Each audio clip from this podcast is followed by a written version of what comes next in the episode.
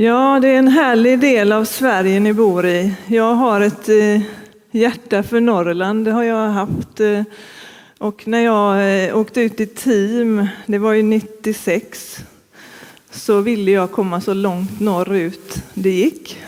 Och då blev det Malå. Och jag hade aldrig hört namnet ens.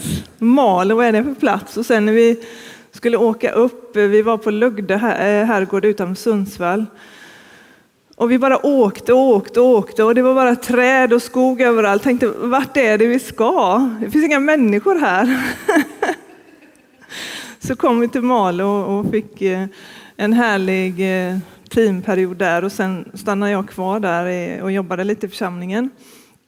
Och sen när jag slutade där så fick jag frågan då, kan du komma till Arjeplog och jobba tillsammans med den som då hade kommit eh, i team dit upp. Så eh, vi jobbade tillsammans där under sju år. Jag är från början från Västra Frölunda, Fiskebäck utanför Göteborg. Och det är där jag bor nu också. Då. Så sen läste jag teologi i Uppsala, och bodde i Stockholm eh, och läste också lite grann i Örebro på Örebro teologiska högskola och läste in en kandidatexamen där. Och så upplevde jag att Gud ledde mig tillbaka dit jag var kom ifrån, de trakterna. Och eh, då startade ALT, eh, Akademi för ledarskap och teologi, som är pastorsutbildningen som Pingst, EFK och Alliansmissionen driver tillsammans. Och den finns ju på sex orter i Sverige och då var Göteborg en av de platserna. Så började jag, fick jag en tjänst där och har jobbat där sedan dess som studieledare. Och vid sidan av det jobbet Eh, så är jag också ute i en del församlingar och predikar och har lite församlingshandledningsuppdrag och så. Och genom mitt jobb på ALT fick jag också möjlighet att läsa en masterutbildning i ledarskap och församlingsutveckling och då fördjupade jag mig i det här med församlingskultur och skrev en uppsats om det som jag sen eh, också eh, skrev om till en bok. Så en del av er känner till den boken och eh, ja, och har haft glädje av den. Och det är ett viktigt ämne som Gud har lagt på mitt hjärta, som jag tror att alla vi som lever i församlingsgemenskap skulle behöva förstå hur mycket det påverkar oss med den kultur vi skapar och den vi vänds in i. Också för att kulturen kan eh, dra till sig människor eller också stöta ifrån sig människor. Och den är man oftast inte medveten om när man är van vid den. Idag vill jag predika om församlingen vi längtar efter. För församlingen det är, när jag under åren i Arjeplog så förstod inte jag att Gud eh, tänkte att jag skulle jobba med församling utan jag, jag tänkte att jag skulle bara testa det lite grann. Men inte att eh, fortsätta jobba med det. Men då blev det som en kallelse att jag fick verkligen församling på mitt hjärta. Församlingen som den beskrivs i Bibeln, det är en fantastisk gemenskap. Det är den bästa gemenskapen för varje människa att vara en del av. För det är Guds gemenskap. Det är hans kropp, det är hans tempel, det är hans brud, det är hans familj. Och där får du och jag vara en del och leva ut hans kärlek, hans hopp, hans evangelium till andra människor. Så församlingen har ingen annan jämförelse i den här världen. Vi kan inte jämföra den med, med vanliga grupper eller sammanslutningar eller föreningar, för det är Guds gemenskap. Och det är där han har, han har en plan för varje människa, tanke för varje människa att få vara en del i hans kropp, i hans familj på den här jorden. Jag tror att många människor som söker och längtar skulle må så, de skulle upptäcka det de längtade efter när de upptäckte det här som Gud har tänkt för oss. Och det är också en utmaning för oss som är en församling att leva ut det här. Leva ut det som Gud har lagt i våra liv och inte låta andra saker ta över. Det är så lätt att vi bär på olika eh, tankar och grejer med oss som ibland skymmer över det här hoppet, evangeliet, det goda budskapet, Guds kärlek och förlåtelse. Så det utmanar oss att faktiskt tänka igenom hur lever vi ut det här som vi kallade in i, som vi har blivit en del i. Eh, och jag tror att församlingen ska vara en gemenskap där människor får växa och blomma. Blomma ut, få hitta sina gåvor, den passion Gud har lagt i våra liv. Och om man tänker på en blomma, vad behöver en blomma för att blomma? För att växa? Värme och näring och, och vatten. God jord.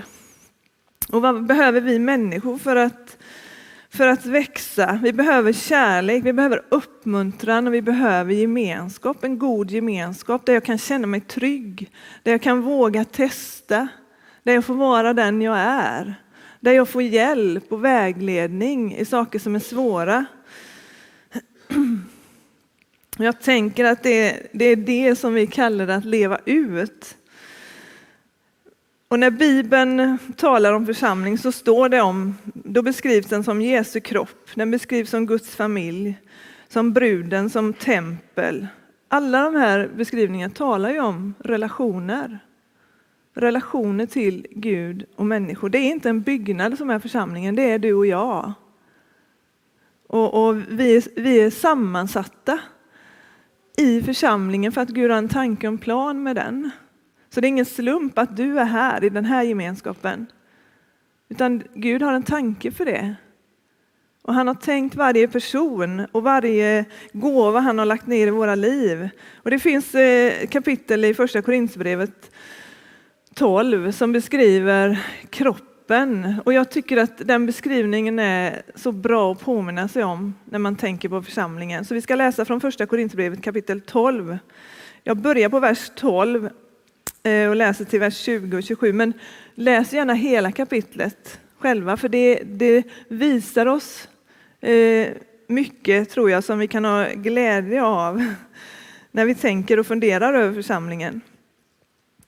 Kroppen är en och har många delar, men trots att kroppens alla delar är många utgör de en kropp. Så är det också med Kristus.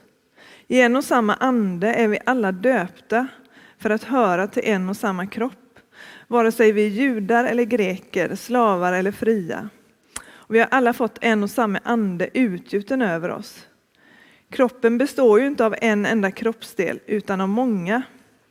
Om foten sa, jag är inte hand, så jag hör inte till kroppen, så hör den ändå till kroppen. Och om örat sa, jag är inte öga, så jag hör inte till kroppen, så hör det ändå till kroppen. Om hela kroppen vore öga, var fanns då hörseln? Om allt vore hörsel, var fanns då luktsinnet? Men nu har Gud satt samman delarna i kroppen, var och en av dem som han ville. Om alla vore en enda kroppsdel, var vore då kroppen? Men nu är kroppsdelarna många och kroppen ändå en. Och så vers 27, den har jag tagit från levande bibeln. Ni som tillhör Gud utgör alltså tillsammans Kristus kropp. Och var för sig är ni viktiga och nödvändiga delar av denna kropp.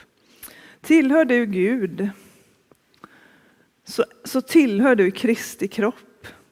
Och du är en viktig och nödvändig del i den kroppen.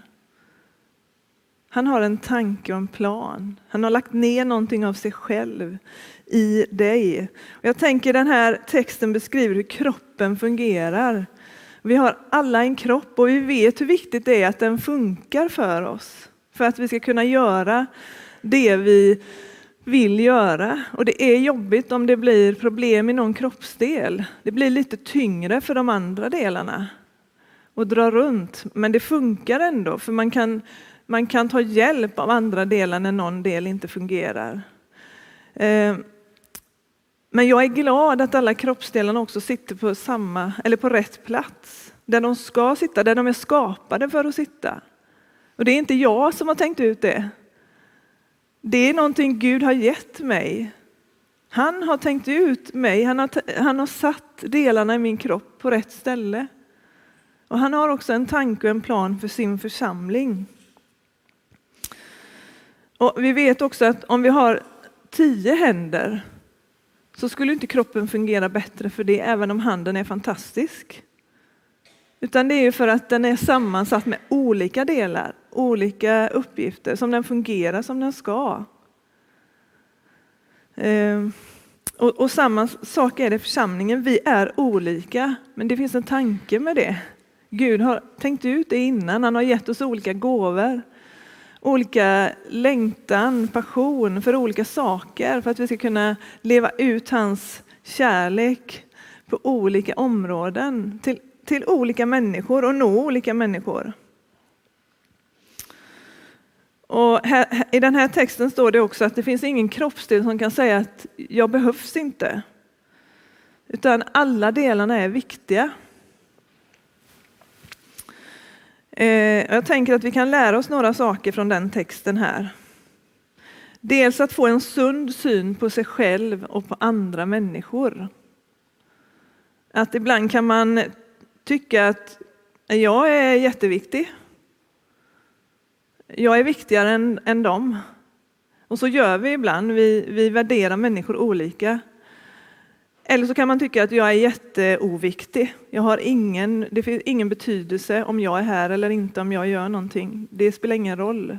Så man kan antingen nedvärdera sig själv eller övervärdera sig själv. Men den här texten talar om att vi kan få en sund syn på oss själva och på andra människor. Vi behövs tillsammans, vi är alla viktiga delar och den hjälper oss att eh, motverka den här falska ödmjukheten som ibland, nej men jag kan inte, jag, inte, jag har ingenting att komma med.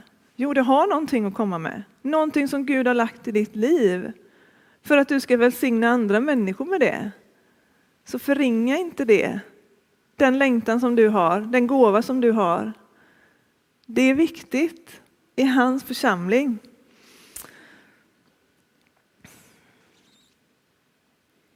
Och sen också att vi har ett ansvar. Vi har fått ett ansvar för det liv vi har fått av Gud. Vi har fått livet som en gåva, men vi har ett ansvar att ta vara på det han har gett oss.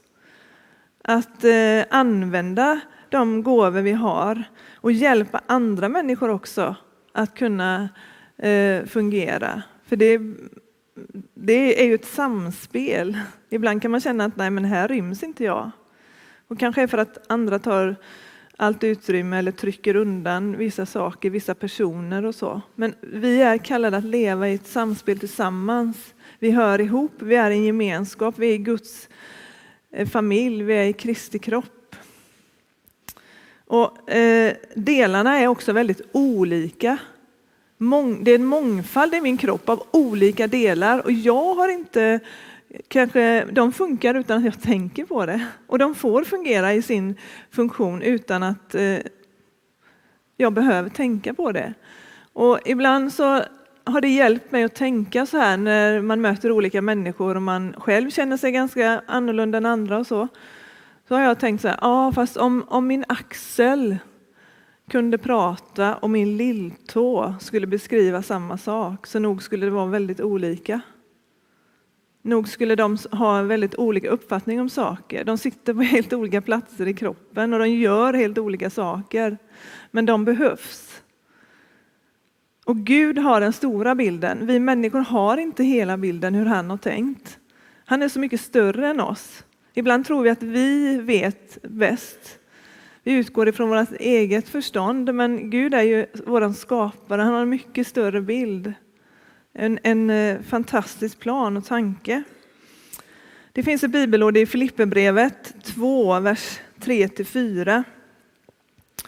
Där det står att sök inte konflikt eller tom ära, var istället ödmjuka och sätt andra högre än er själva. Se inte till ert eget bästa utan också till andras.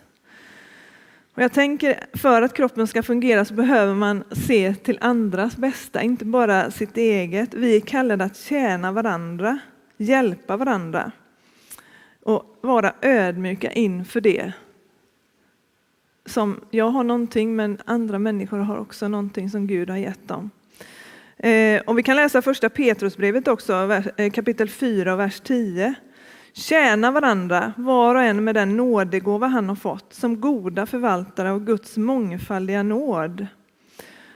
Alltså, här står det att när vi tjänar varandra med de gåvor Gud har gett oss, så blir Guds nåd synlig och den den är mångfaldig. Hans nåd är mångfaldig, den tar sig många olika uttryck genom olika gåvor, genom olika människor.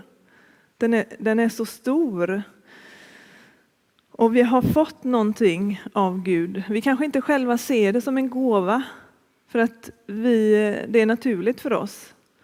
Men om du hittar en annan människa som har helt andra gåvor så ser man, jaha, det kanske ändå är en gåva. Så man behöver också hjälpa varandra att upptäcka det här, uppmuntra den som du ser är, eh, lever i, ut det som du själv kanske inte gör på samma sätt. För då kan de här, vi blir mer trygga i våra gåvor och vi blir frimodigare att använda dem. Och vi är skapade för att tjäna. Och vi är skapade för att tjäna på, på det sätt han tänkt. Vi lever i en värld som motverkar det här väldigt mycket med individualismen och vi ska hela tiden tänka på jag, mig och mitt hela tiden. Men det är tvärt vad Guds rike handlar om. Där finns vi till för varandra. Så vi behöver se till att vi inte hamnar i det en församling, att jag ska få det jag vill ha, utan jag finns här för att Gud har satt mig här och jag är här för att ära honom. Det är det, det, är det som är min kallelse. Och ibland så jag tror också när man, när man upptäcker sina gåvor och får fungera i det så ger det också energi och glädje.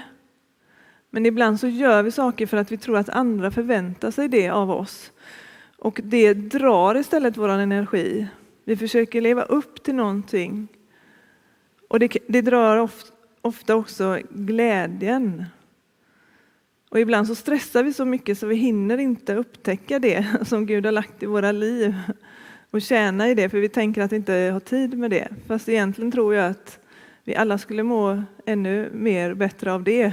Att få vara ja, få, få, få fungera i det han har lagt i våra liv. För det finns en glädje som förlöses i det och att få tjäna andra människor. Egoismen förstör ofta i en församling när den kommer in. Så vi får vaka över våra motiv där, så att vi inte drivs av det, utan att vi finns här för att tjäna.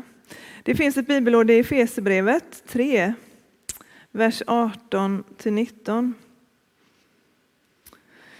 Om att vi behöver varandra, tillsammans med varandra händer någonting. Då ska ni tillsammans med alla de heliga kunna fatta bredden och längden och höjden och djupet och lära känna Kristi kärlek som går långt bortom all kunskap. Så ska ni bli helt uppfyllda av all Guds fullhet. Alltså vi behöver varandra. Tillsammans med de heliga ska vi kunna fatta mer av Guds kärlek, bredden, längden, höjden och djupet. Mer av vem Gud är när vi får mötas tillsammans, när vi får hjälpa varandra, när vi får finnas till en gemenskap. Jag tänker den här texten i Första Korinthierbrevet 12, den, den visar oss också att jämförelse det finns ingenting jag kan se i den här texten eller i andra texter i Bibeln att man ska jämföra sig med varandra. Vi jämför oss ofta med varandra och det hämmar oss många gånger. Men den talar om att vi är olika. Vi ska vara olika. Vi ska inte jämföra oss, det är inte Guds tanke. För den hindrar oss att, att fungera i det Gud har lagt i våra liv. I, eh, vi kan läsa också vers 7 till 11 i första Korinthierbrevet 12. För det visar oss också att vi behöver leva beroende av anden. Hos var och en visar sig anden så att det blir till nytta. Den ene får av anden ord av vishet den andra får ord av kunskap genom samma ande. En får tro genom samma ande, en får gåvor att bota sjuka genom samma ande, en annan att göra kraftgärningar. En får gåvan att profetera, en annan att skilja mellan andar. En får gåvan att tala olika slags tungomål, en annan att uttyda tungomål. Men i allt detta verkar en och samma ande som fördelar sina gåvor åt var och en som han vill. Så att det är anden som har gett oss gåvor. Det är anden som ger av sina gåvor så som han vill. Han fördelar dem så som han vill. Och om vi är ledda av anden och låter honom få leda oss och få växa i gåvorna som han har tänkt så kan vi fungera mer som den församling, gemenskap som Gud har tänkt. På det sätt han har tänkt. Men det är när vi tappar bort anden ibland och, hamnar i vår egen, egna önskningar som, som ibland är, kan bli inte så bra. Men tillsammans med den helige Ande så kan vi få välsigna varandra. Och alla gåvorna behövs för att vi ska leva ut Guds rike. Han har en tanke för varje människa. Så känner du att jag har ingen gåva, så har du det. Även du har det. Och Gud vill också hjälpa dig att fungera i den gåvan och upptäcka den gåvan. Och jag tänker att när man inser det, jaha, jag har vissa gåvor i detta, då, då, är det, då är det också en frihet i det. Jag behöver inte kunna allt. Jag behöver inte vara bra på allt. Jag behöver inte jämföra mig med dem som gör de här sakerna, för jag har någonting annat att komma med. Någonting annat där jag kan få vara med och välsigna människor. Sen är det ju det här då, hur kan församlingen bli den här gemenskapen vi längtar efter? Hur, hur kan det här bli verklighet? Och då, då har vi det här med församlingskultur. Hur vi lever tillsammans, som vi pratade en del om igår. Det är så att när vi är i en gemenskap så formas en kultur, ett sätt som man gör saker på. Och det skapas mönster. Och de mönstren kan vara bra men de kan också vara ibland hämmande och hindra oss. Och vi kan känna ibland att nej men här i det här sammanhanget känner jag mig inte fri, jag känner mig inte välkommen. Eh, och därför är det så bra och viktigt att vara medveten om att kulturen är en viktig del i en församling för att vi är sociala varelser. Och vi har en kultur i vårt samhälle, vi har en kultur i vår familj, det finns kultur på arbetsplatser i olika grupper som, som påverkar hur vi beter oss, men även i församlingen. Och jag tänker att församlingskulturen ska präglas av det vi säger att vi tror på. Vi ska leva ut det vi säger att vi tror till varandra. Säger vi att eh, Gud är kärleksfull mot människor så är det det vi kallar att leva ut också genom våra liv till varandra. Om vi tror på Guds förlåtelse så är vi också kallade att leva i det.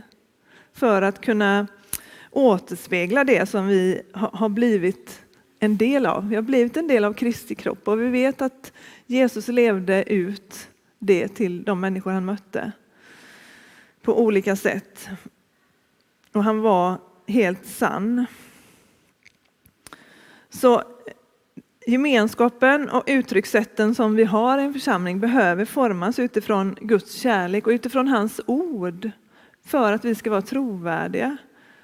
Och att vi vet vad vi tror på, vi vet att vi är trygga i vår identitet och kan stå upp för det och visa Guds kärlek till människor, till varandra. Och är det så att vi inte eh, lever ut det här så, så påverkar det vår trovärdighet som kristna. Och jag tror i många fall att det är det som är vår stora utmaning för att människor ska uppfatta kristna som trovärdiga. Att vi verkligen lever det vi säger att vi tror och inte vänder oss utifrån var vi hamnar utan stå upp för det som Gud har lagt i ditt liv, var du än är. Och, och låt Jesus, låt den helige Ande få prägla dina tankar, dina värderingar och ditt sätt att göra saker på. Be, där man har sina brister kan man be, Gud hjälp mig med det här. Du säger så här att jag ska leva så här, men jag, jag ser att jag brister i att och lyssna på människor. Jag brister i på olika områden. Hjälp mig att bli bättre på det. Hjälp mig att mer leva ut din kärlek till människor. Om man känner ibland att tålamodet tar slut. Gud, ge mig mer av ditt tålamod. Vi får leva i det beroendet. Det handlar inte om att vi ska vara perfekta, men det handlar om att vi ska vara ärliga. Ärligheten tror jag är viktig, för den känner människor av. Kulturen, som jag sa innan, kan göra att man söker sig till ett sammanhang, men den kan också göra att människor drar sig därifrån. För man kan uppleva ibland att den är för kall, den är för trång, här ryms inte jag. Och ibland också i, upplever man att, att man saknar frihet att vara den man är. Och så drar man sig undan. Och jag tänker att vi som församling som har fått möta Gud som är gemenskap borde vara bättre på det här. Att ha en, en kärleksfull kultur dit människor dras. Där, vi är, där man möter ärliga eh, tankar och uttryckssätt. Men ibland när en församlingskultur spårar iväg så, så, tror jag att det beror på att man har tappat fokus på det som är vårt uppdrag. Vi är här för att Jesus har frälst oss, för att vi har mött Jesus och vi vill förmedla det vidare. Men ibland hamnar man att man har fokus på vissa mål, resultat man ska nå, saker man ska göra. Så man tappar bort den här viktiga kärnan. Och ibland i äldre församlingar, traditionella församlingar, så kan det vara att man fastnar i, i verksamhetsformer, men så har vi alltid gjort förut. Men så, så har vi aldrig gjort. Så det kan vi inte göra nu heller. Så blir det viktigare att det går till på ett visst sätt än att eh, människor får möta Guds kärlek. Så att eh, vi behöver påminna oss om att ha fokus på Jesus. Vi är en del i hans kropp och han är den som förenar oss. Och ibland gör man saker fast man inte vet varför. Och där tänker jag, men stanna upp och fundera, varför gör vi så här? Varför måste vi göra så här? Eller måste vi det? Varför började vi göra så här från början? Annars så blir det där låsningar i en gemenskap, i en kultur som hindrar det där livet som vi egentligen längtar efter. Jag tror att generositet och öppenhet är jätteviktigt i en församling. Öppenhet för olika uttryckssätt, generositet, ja ja, det blev inte som jag hade tänkt, men det gör ingenting. För vi är älskade av Gud i alla fall. Och eh, generös för olika tankar från människor och funderingar och så. Vi är inte kallade att lägga krav eller ok på människor. Vi är kallade att föra dem till Jesus. Och så får han leda oss vidare och hjälpa människor att upptäcka det Gud har skapat oss för. Och sen så är det också det här att Jesus har ju kallat oss att vara en motkultur mot den här världen. Och vi ser att kärleken kallnar runt om oss. Laglösheten tilltar. Vad är då vårt gensvar som församling? Inte att vi ska bli rädda och kärlekslösa mot varandra och skydda oss själva, utan att vi ska vara ännu mer kärleksfulla vara trygga i Gud och det han har gett oss och kunna leva ut detta till människor runt omkring. Så att det blir en skillnad mellan församlingen och det som sker i vårt samhälle. Och han säger också till oss att vi skulle vara ljus och salt. Ljus i en värld där det är mycket mörker. Det betyder att man syns. Det är inte alltid bekvämt. Men det är ändå vårt uppdrag att vara ett ljus Visa evangeliet, visa vägen till livet. Visa vägen till Gud och salt, att faktiskt stå för något annat som kan motverka den här förruttnelsen som sker i ett samhälle när inte Guds eh, värderingar eh, och får ha någon påverkan.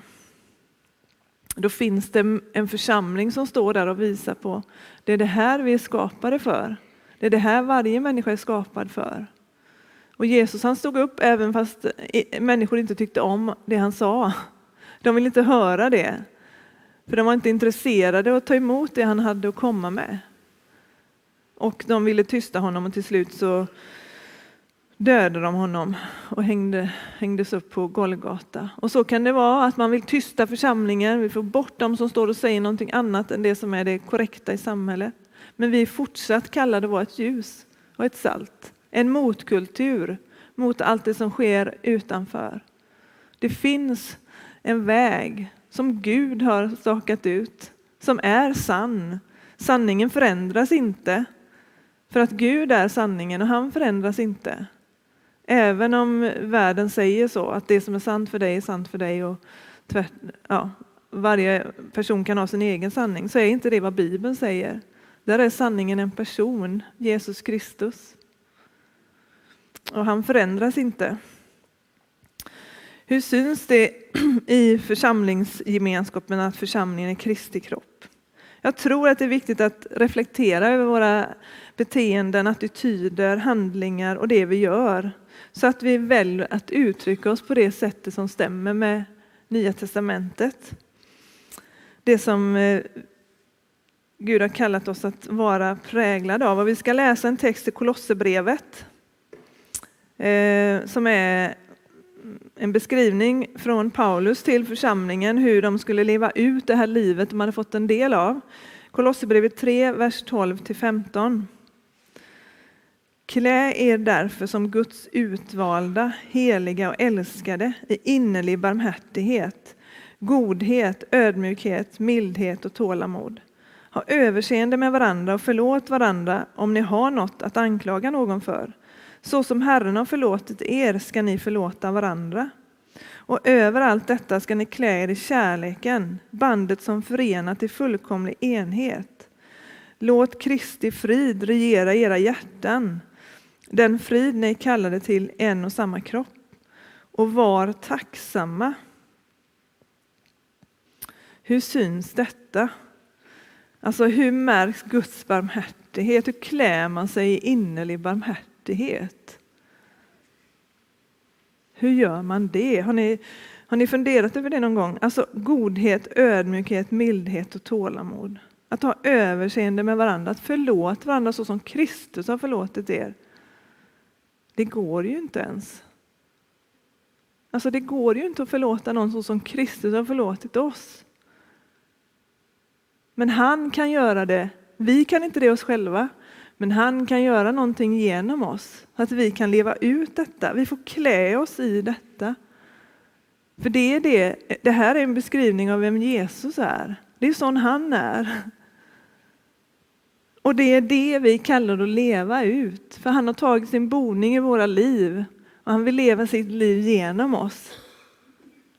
Så det är ingenting vi kan prestera fram, men vi kan närma oss honom mer och mer och låta han få forma mer och mer av våra tankar, våra värderingar, våra känslor, vår vilja.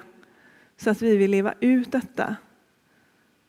Och att han också kan visa oss sånt som, som hindrar oss att leva i det här.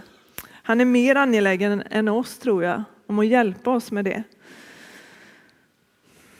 Så det har några frågor här eh, som jag skickar med, där man ändå kan påminna sig själv och reflektera över det. Är jag barmhärtig mot någon när de har gjort fel? Eller vem blir jag då? Är jag inlyssnande mot den som vågar ställa frågor och se saker från ett annat perspektiv än vad jag ser? Ibland, ibland är det svårt kan jag tycka. Men jag kan be Gud hjälp mig att bli mer inlyssnande. Förlåter jag dem som har gjort mig illa? Jag vill förlåta. Jesus hjälp mig att leva i förlåtelse. Och hur vi talar med varandra, hur vi talar om varandra. Om jag säger något om någon annan som inte är närvarande, varför gör jag det? Vad har jag för motiv med det? Jag kan vara uppmuntrande, kan tala gott om andra. Då sprider en god atmosfär. Och för att vi ska kunna leva i detta så är det väldigt viktigt med våra hjärtan. Att Gud får beröra våra hjärtan. Och vi behöver gång på gång närma oss honom, stanna upp och be Jesus, hjälp mig. Förvandla mitt hjärta, gör det mjukt. Fyll mitt hjärta med din kärlek. För jag kan inte detta i mig själv. Men jag vill att du ska bli synlig genom mitt sätt att vara och leva. Var jag än är så vill jag leva ut det som är, du har gjort för mig, det du har lagt i mitt liv. Jag tänker att en församling med Jesus i centrum, det är en gemenskap där man är generös mot varandra, man älskar varandra och man hjälper människor att blomma i sina gåvor och sin kallelse. För att Jesus är i centrum. Och om Jesus blir otydlig för oss i våra liv personligen och i församlingen, då blir också kärleken och generositeten mot varandra som människor mindre. För att kärleken utgår från honom, han är kärleken.